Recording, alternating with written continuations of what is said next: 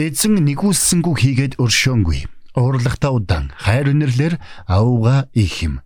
Дуулал 145-ийн 8. Мэргэний сонсог мэдлэгэд хэлэг. Ухаалаг нь мэрэгэн өдрөмжийг мөн авг. Доктор Харалт цаалогийн мэрэгэн зөвлөмж нэвтрүүлэг.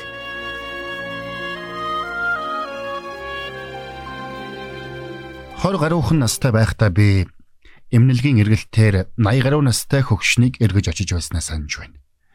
Тэр хүн хамаатан садангүй цор ганцаараа хүн байснаас гадна биеийн маш их өвдөж байсан учраас энэ завлангоо бошуухан дуусгахыг тэр хүсэж байлаа.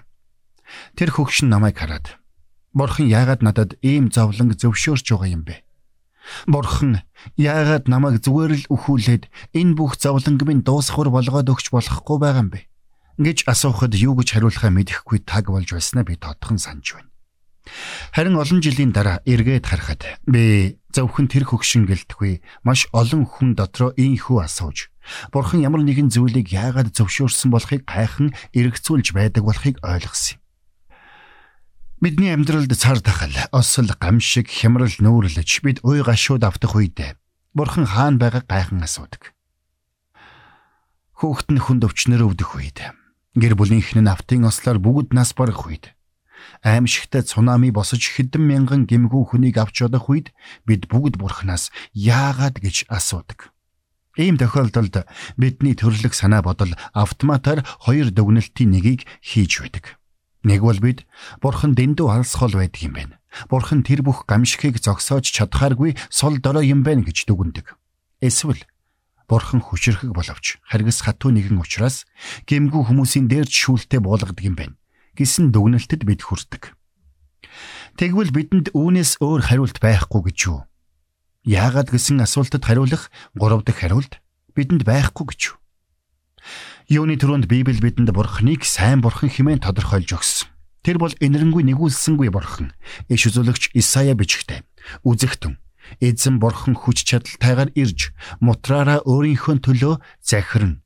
Тэр хончны ёсоор сүргээ хариулж мутартаа хургнуудаа цуглуулan ингэртэ тэврээд хөхүүлийг нь зөөлөн хөтлөнө. Исая 40-ийн 10-аас 11 гэсэн байдаг.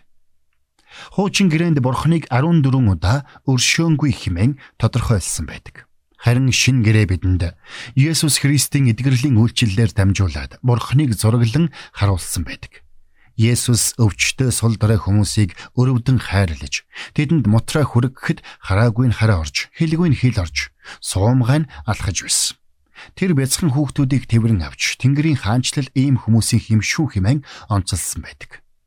Энэ дэлхий дээр гим нүгэл орж ирснээр нүглийн хараал энэ дэлхийг нөмөрсөн гэдгийг Библи батлан өгүүлсэн байдаг. Тиймээс ч Ром номонд Паул хэлэхдээ энэ дэлхий бүхэлдээ ялзралын боолчлолоос болон яолж Бурхан хожим нь шин тэнгэр, шин газрыг бүтээхийг тэсэн ядан хүлээж байдаг тухай өгүүлсэн юм.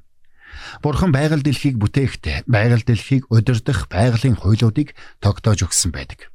Харин бид байгалийн тэр бүх гайхамшигтай зүй тогтол сүр жавхлан харахтаа бүтээгч Бурханыг магтан алдаршуулдаг.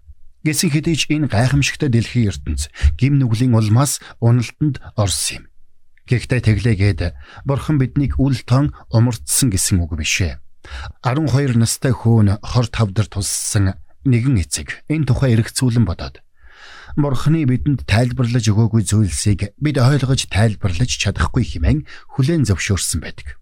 Түүний зөв. Эцсийн эцэст Бурхны тайлбарлаж өгөөгүй тэр зүйлсээс болоод Бурхнаас нүүр буруулж түүнийг буруутхан зөвхөж байснаас түүн рүү зүгтэж Түүний дотор хорогдон тайтгарх нь илүү дээр юм шүү.